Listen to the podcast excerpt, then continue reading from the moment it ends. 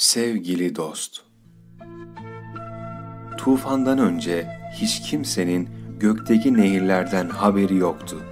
Hiç kimse suyun ateşe dönüşebileceğini düşünmüyordu. Ve hiç kimse Nuh'un elindeki keserin neyi biçimlendirdiğinin farkında değildi.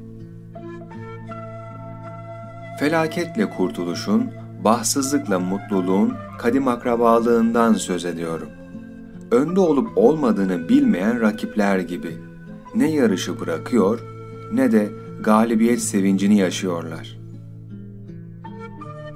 Tokatların üzüm salkımlarına, üzüm salkımlarının tokatlara dönüştüğü bir hayatta insanı mutlu eden şeyler aynı zamanda onun felaketinin de kaynağı olabiliyor. Sevgili dost, üzüntülerimiz, günlük hayatımızdaki ödevleri bile normal bir şekilde yapmamızı engelliyor.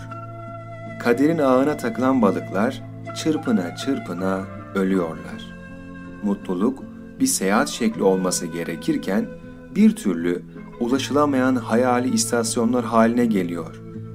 Yüzlerimiz hüznün yüzlerce elbisesinden hangisini seçeceğine bir türlü karar veremiyor.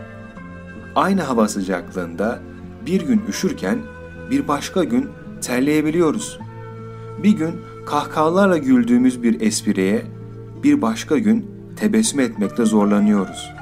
Su bazen sıfır derecede donmuyor, bazen kaynamıyor yüz derecede. O halde bizi mutlu kılan şey şartlardan çok ruhumuzdur. İstemekle değil, istememekle hür olan ruhumuz. Sevgili dost, hürriyet istememekse neyi çağırıyor bu reklam panoları? Bizi diğer insanlardan ya da insanların daha az imkana sahip kısmından farklı kılacak bir ayrıntı nasıl oluyor da gözlerimizi ışıldatabiliyor? Pahalı paltolarla ısıtılan bedenlerimiz çıplak ruhları için nasıl bir giysi öneriyor?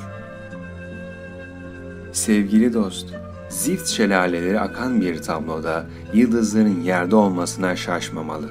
Şaşmamalı dans etmesine yılanların, yürümesine Hintlinin çıplak ayaklarla ateş üstünde. Ama şaşmalı camların esirlerine, şayet hürriyet istememekse.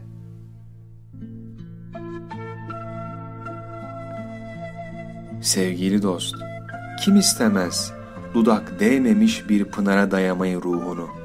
Kim istemez meleklerle kucaklaşmayı, müjdelenmeyi cennetle?